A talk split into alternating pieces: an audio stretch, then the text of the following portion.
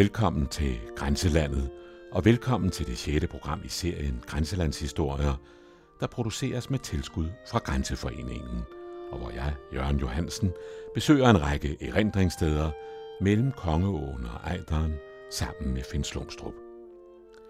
Lige på den anden side af grænsen ved Kruså ligger Flækgård ud til Flensborg Fjord. Og lige i nærheden ligger Kovermøllen.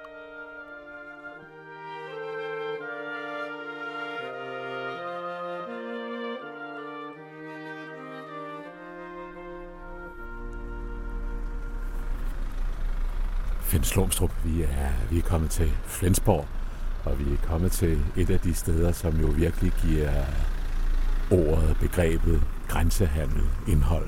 Bestemt.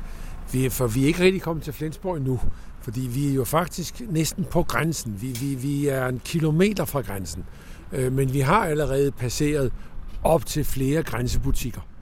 For der skal man kun lige et par hundrede meter ned. Øh, men vi er standset op her, fordi det her det er den nyeste, største. Det er øh, der jo er en gigant i grænsehandlen, der her øh, ved Kovermølle og Wassersleben har bygget øh, et nyt, stort indkøbscenter med en fantastisk udsigt ned over Flensborg Fjord. Øh, meget dejligt sted, de har fundet. Øh, og det er jo først og fremmest det, tror jeg i dag, danskerne forbinder med grænsen. Det er grænsehandel.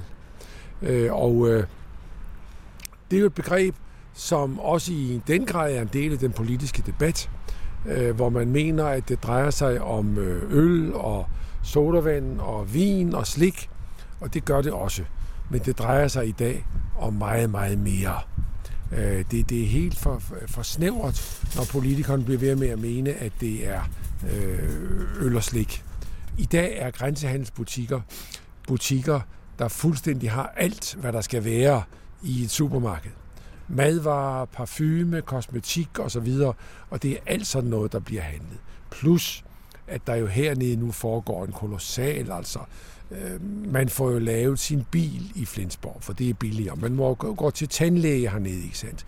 For der er en meget, meget stor prisforskel mellem dansk og tysk. Og derfor så har politikerne jo også på det seneste opgraderet hvor meget, det var faktisk Thor Møller Petersen, der, der, der skar igennem i hans tid, hans korte politiske karriere indtil nu, øh, og sagde, at, at grænsehandlen er større, end vi hidtil har anslået. Og nu mener man jo, at vi snakker om sådan noget som i hvert fald 12 milliarder kroner om året. Det er ganske mange penge. Det er jo noget, der for alvor starter, da vi kommer ind i fællesmarkedet. Øh, der begynder det jo, at, at der kommer grænsehandel ind som et begreb, og man indfører jo alle mulige begrænsninger. Der laves en særlig 24-timers regel. Så hvis man skulle have det, der dengang hed den store ration, ellers var der stadigvæk meget strenge restriktioner på, skulle man kunne købe noget, der betød noget, så skulle man være væk fra Danmark i 24 timer. Øh, så kunne man så købe til lavere afgifter, end vi har derhjemme. Øh, og det kan man jo altså stadigvæk. Og der er jo her en, en gevaldig trafik. Parkeringspladsen er næsten fyldt her. Vi står her en, en søndag ved søndag aften ved 6-tiden, og der er en kommen og en gåen øh, i den helt store stil. Øh, I 2004, 1. januar 2004, der faldt reglerne om 24 timer væk. Og så accelererede grænsehandlen. Øh, regeringen dengang, det var jo øh, Anders Fogh, det var VRK, suppleret Dansk Folkeparti, gjorde derfor det, at man allerede fra 1. januar 2003 lavede nogle kraftige afgiftssænkninger. Men det betød selvfølgelig nok noget, men så betød det heller ikke mere. Grænsehandlen kører, og uanset hvor meget man sænker afgifterne, det prøver man jo så på, og har lige prøvet på det igen, øh, så er løbet meget mere kompliceret end som så. Ja, for det er vel også ved siden af at være et spørgsmål om handel, altså også selve oplevelsen af at krydse en grænse ja, det det og være på en form for udflugt. Ja, ja. Altså de gamle hernede i Sønderjylland, de fortæller jo stadigvæk om dengang de tog espritter. Og det var jo en oplevelse. Det var dengang, der var 12, eksempel. Man kunne, man kunne sejle ud fra Koldund, og så kom man ud i Flensborg Fjord, og, og så var det tolvfrit, og så kunne man øh, købe et par cigaretter eller to pakker, men man smuglede jo også, og det var en særlig forlystelse. Øh, og tilsvarende er disse her indkøbsture, de er også øh, en del af, en søndags øh, underholdning. Så tager man ned og hygger sig, og, og man, øh, der er altid fastfoodbutikker ved siden af, af grænsehandlen, så man får også nogle store karivurst eller noget andet, ikke sandt? Så det er hygge, men der er altså også penge at spare. Det kan man ikke komme udenom. Øh, og og øh, de samvirkende købmænd har jo regnet ud på mange måder. De mener, at øh, 9% af detaljhandlen i Sønderjylland er forsvundet siden 2009 med henblik, henvisning til grænsehandlen. Og der er ingen tvivl om, at, at, øh, at selvfølgelig betyder det noget, fordi øh, detaljbutikker ligger jo, siger man, at, at hvis bare omsætningen falder med 7-9 procent, så bliver tallene forkerte. Så der er lukket mange butikker hernede, men, men altså, vi er i fællesmarkedet. Det er en del af, af hele systemet.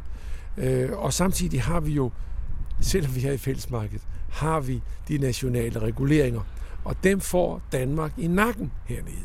Vi har en moms på 25 procent. Tyskland har en moms på 19 procent. Men på en lang række, på madvarer og mange andre ting, der har tyskerne kun en moms på 7 procent. Og det gør jo altså, at der virkelig er forskelle. Øh, man kan også sige det på en anden måde. Øh, for nogle år siden regnede man ud, at en lærer ved de danske skoler i Sydslesvig, øh, vedkommende er jo på dansk overenskomst, og en dansk overenskomst, den er hernede 125 procent værd. Så man får simpelthen mere for pengene, og det har danskere jo opdaget, og kommer kørende langvejs fra i virkeligheden. Så det bliver en heldagsudflugt. Nu er der ikke længere restriktioner, det hedder ganske vist, du må kun tage med hjem til eget forbrug. Og så kan man jo konstatere, når man ser, hvordan vognen bliver pakket, at forbruget det er kolossalt. Men eget forbrug kan jo også godt være en fest med 30 gæster. Det er jo også eget forbrug. Så der bliver transporteret noget, og selvfølgelig er det øl, vin, spiritus og slik, der betyder meget. Men sortimentet er meget, meget større end som så.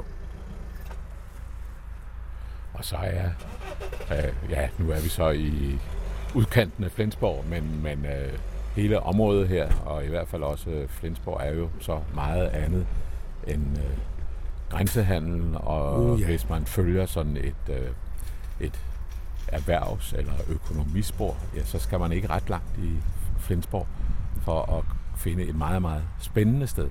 Nej, Flensborg har jo engang været en fantastisk vigtig dansk by.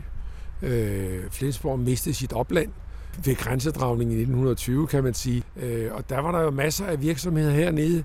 Den dag i dag er, er Flensborg mere dansk, end den har været tysk, kan man sige. Øh, og øh, lige her ved siden af, hvis vi går rundt om hjørnet og går 300 meter ned, så ligger der en lomme, øh, som er noget helt enestående. Det hedder kovermølle, eller på tysk selvfølgelig kupfermølle. Og der ligger der en, eller lå der et stort koverværk, en fabrik, et kover- og hammerværk, som Christian den 4. havde grundlagt. Og takket være en ildsjæl, der hedder Bodo Dats og hans kone Gisela, øh, så er det sted blevet reddet, så det i dag er en turistperle, øh, hvad heldigvis også ganske mange danskere har fundet ud af. Men jeg synes, vi skal spacere en tur ned til Kovermølle, øh, hvor vi har sat Bodo Dats stævne. Det gør vi.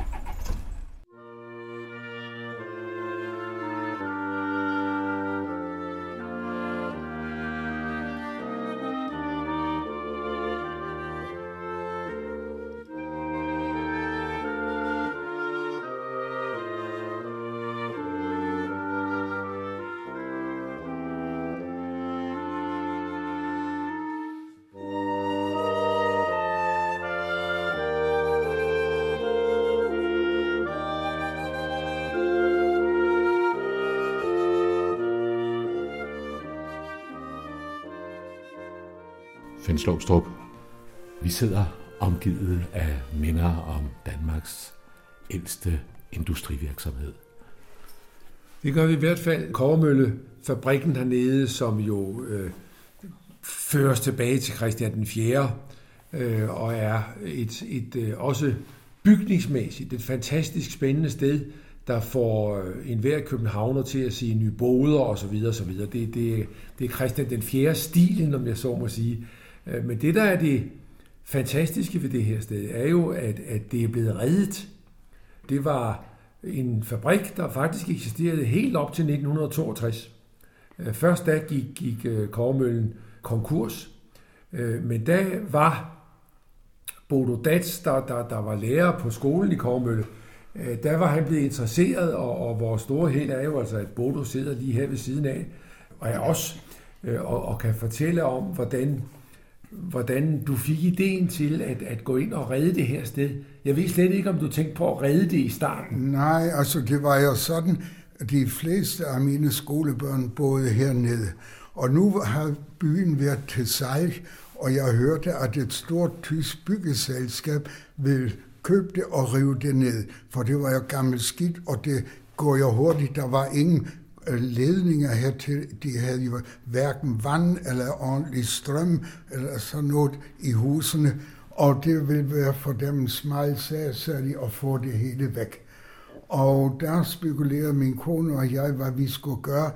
Vi havde jo de børn her i skolen, og hvis, de, øh, hvis det var blevet revet ned, ja, så havde vi ikke børn nok, og skolen var blevet lukket. Og vi havde været arbejdsløse, og det ville vi jo ikke, så der var ikke andet at gøre, at købe hele byen. Ja, det, jeg ved heller ikke, vi vidste ikke rigtigt, hvad vi gjorde, og vi håbede bare, det ville gå, og vi har også været heldige, men altså, det var altid med en masse, forbundet med en masse arbejde. Men det er jo faktisk et, et livsværk, du er omgivet af her. Ja, det kan man sige. Vi har arbejdet her fra 57 til, til nu, hvor vi 1. januar har overdraget øh, resten af husene til vores børn, så at de kan videre sørge for, at det bliver bevaret og fortæller om Danmarks første store virksomhed. Ja, for det er en dansk virksomhed. Ja, det siger jeg jo også altid. Altså, for Christian 4. har grundlagt den. Øh, først var det, at man skulle lave jeg skulle have et hammerværk, og vi har jo her den lille Kruså, og den har meget fald, og så kunne man nemt dæmme op, og så var der en stor bugt, at man var straks ude i Flensborg Fjord, og der, ja, der var jo trafik fra hele verden, så det var ingen problem at få råprodukterne hertil og færdigprodukter ud verden over sådan.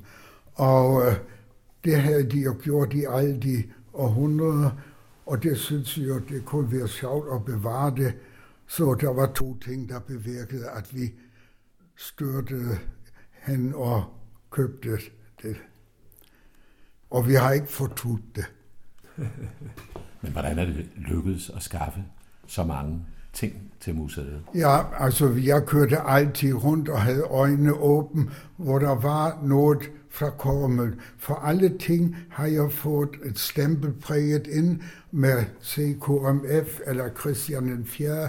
og CKM, Krusåkår og Messingfabrik. Og øh, øh, der har vi samlet og samlet og købt, og det, det var sådan en, dag, stod jeg foran skolen, og der kom der sådan en, ja, sådan en vi kalder det her en plønmand. Det er en, der har kun sådan nogle ragelse på sin cykel og vil sælge det. Og så siger han, ved du hvad, du er lærer her. Du skulle da egentlig have noget fra kommet. Jeg har en kedel her. Den er lavet her, det kan jeg vise dig. Der er en stempel deroppe. Og den købte jeg, og der, jeg så gik hjem og har pusset og poleret den, så blev jeg koversyg. Så til, siden den tid kan jeg ikke lade være med at købe ting her fra fabrikken. Og det gode er jo, når vi samler, så samler vi ting fra Kåremøl og fra fabrikken. Altså, der er mange, utroligt mange fine ting på alle de fine udstillinger og sejsteder, og man glæder sig over det. Men vi kigger altså kun så skjult øh, efter ting, der er stemplet herfra. Og det er jo blevet til en lille fin samling. Ja, ved siden af alle kovertingene, så er der, ja, der er stik og tegninger og fotografier, mange ja, fotografier. Ja, og vi har fået et kæmpestort model, og der viser, hvordan det så ud her øh, omkring 1900, og øh, viser, hvordan forholdene var.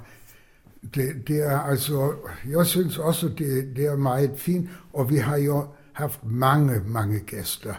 Øh, og øh, mange kommer også to-tre gange, for så siger de, åh, oh, der er igen kommet noget nyt. Hvor har du fået det fundet? Eller sådan.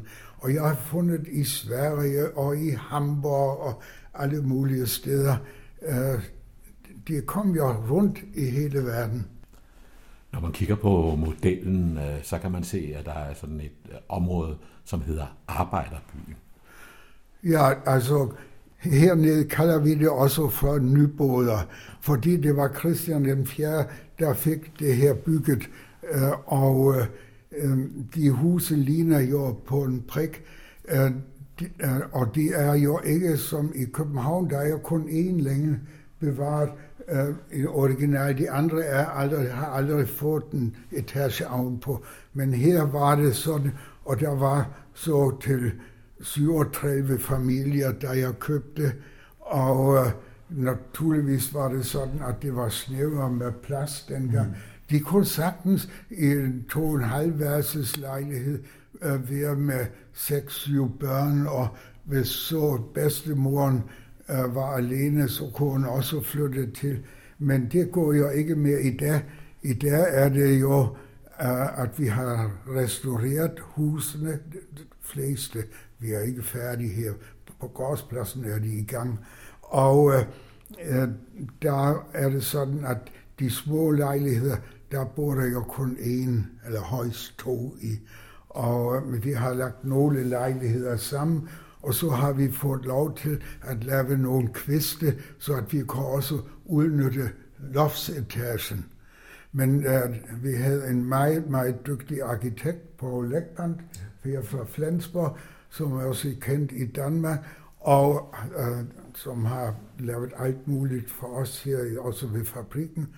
Og uh, han har fundet ud af, hvordan det kunne lade sig gøre at lægge to lejligheder sammen, uden at der bliver ødelagt noget. Og alle steder er det med trægulv og bjælkeloft, som før, Så det er rigtig øh, efter den gamle stil. Og øh, de første år, da jeg købte den, så øh, henvendte jeg mig til myndighederne og spurgte, om jeg kunne få det fredet. Og så har de været her og sagt, kære mand, det freder vi ikke.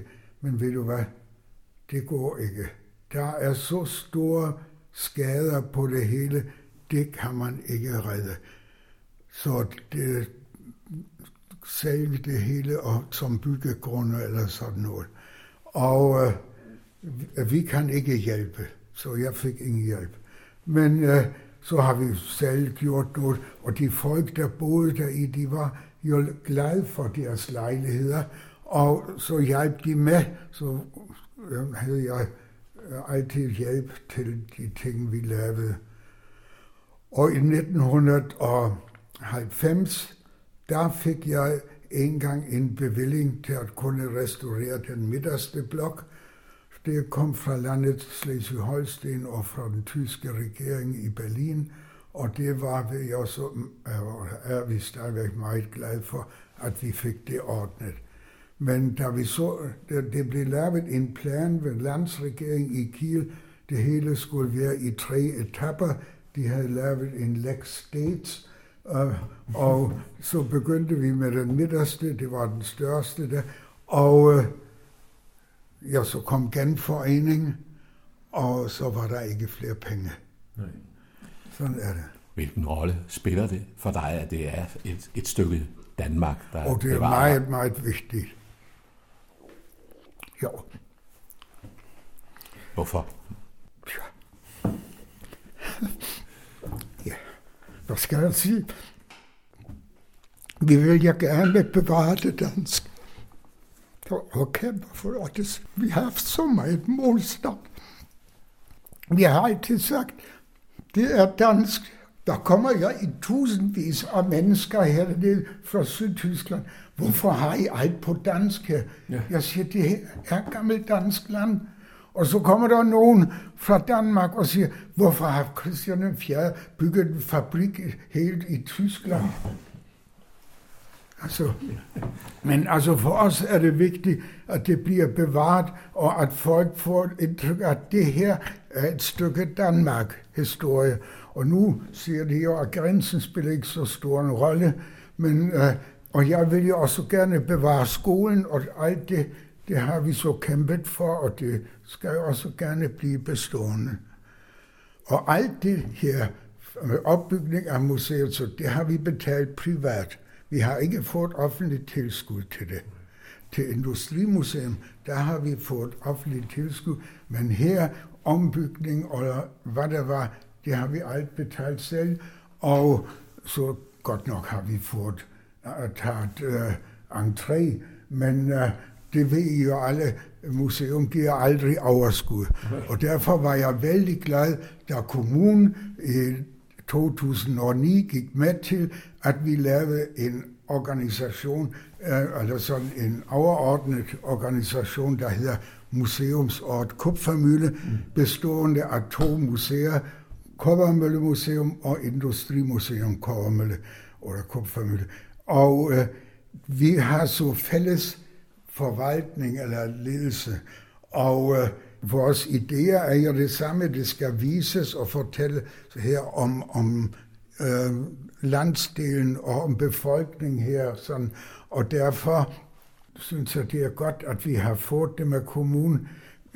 Ingen har mærket i de sidste øh, 10 år, eller længere endnu, at vi er to museer, der er under en ledelse, og det skal også fortsat blive sådan.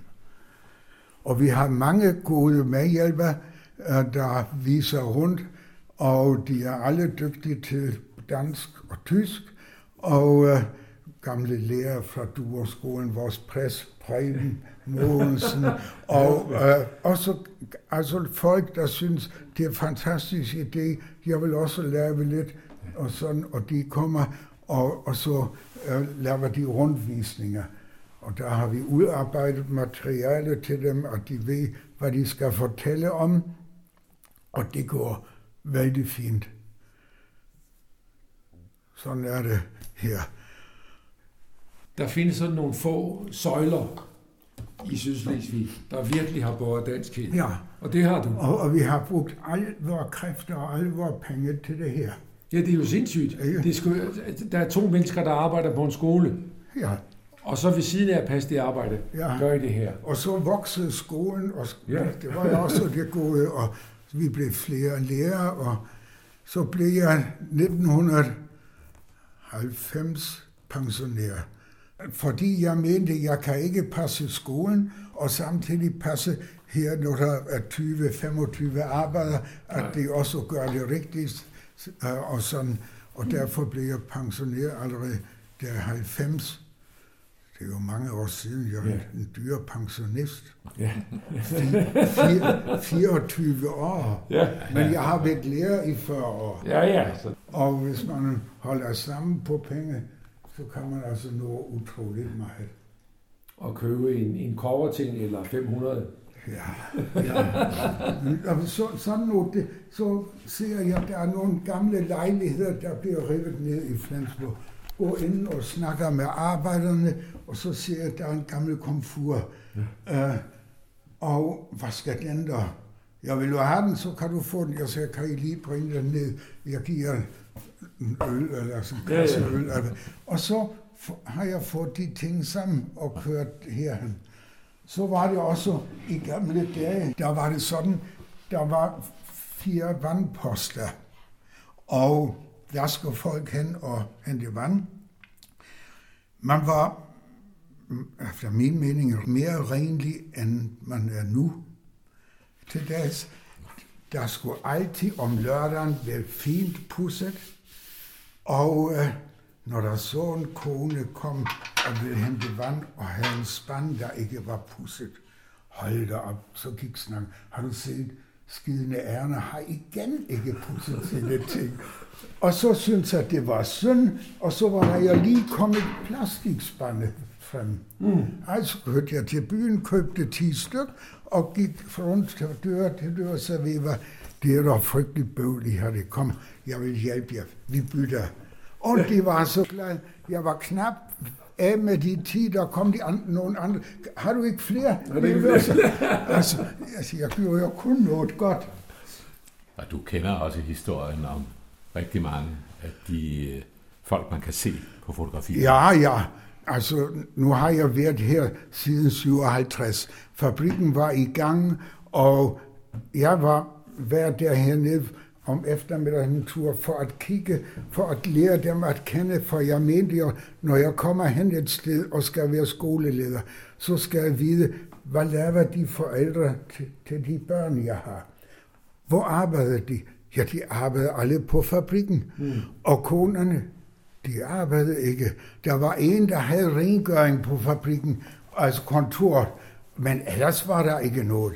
Og så spurgte jeg direktøren, om jeg måtte en gang gå og kigge på fabrikken, at jeg vidste, hvordan det var. Og så var jeg så heldig, at jeg har fotograferet helt meget, mens fabrikken var i gang endnu.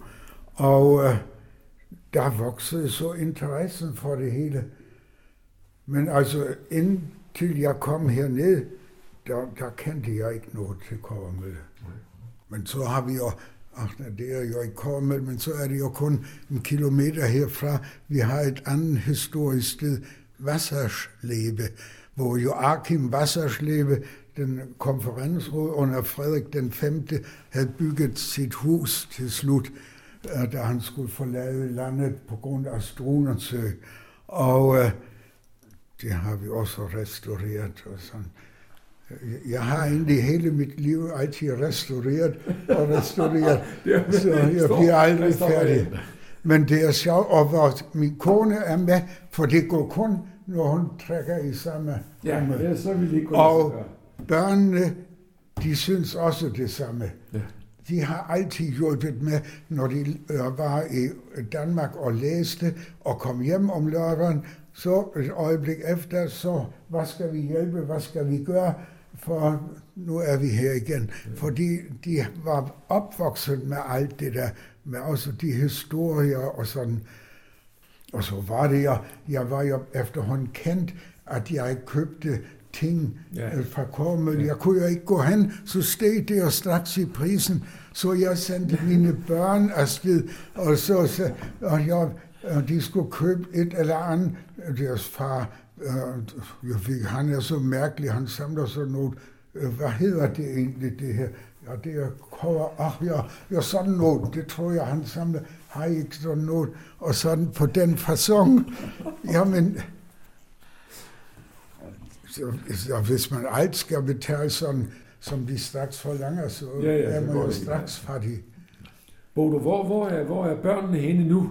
Ja, altså en der, der bor, bor hernede, og hun er også formand, eller næstformand i Sydslesvig Forening, og alt har været formand i skolen, for skolen. Vores søn bor ved siden af os i Wassersleben. Ja, ja. Øh, der så, og der, han har fået det store hus. Vi havde restaureret Wasserslebes hus, og så var det jo en gang, at dronning Ingrid, øh, eller, ringede, eller hendes hofmarskal ringede, hun ville gerne besøge os og se på huset. Og så var det hun helt eftermiddag der med to hofdamer og hofmarskal, og vi skulle fortælle om alt det. Så det er jo også et stykke historie, Danmarks historie. Det var også glemt. Ingen huskede mere, hvad det var, og det hus skulle også rives ned. Så købte vi det. Og sådan er det blevet ved. Til tonerne af Valdemar Rasmussens musik slutter det sjette program i serien Grænselandshistorier, der produceres med støtte fra Grænseforeningen. I programmet mødte Finn Slumstrup og jeg, Jørgen Johansen, også Bodo Dats på Kovermølle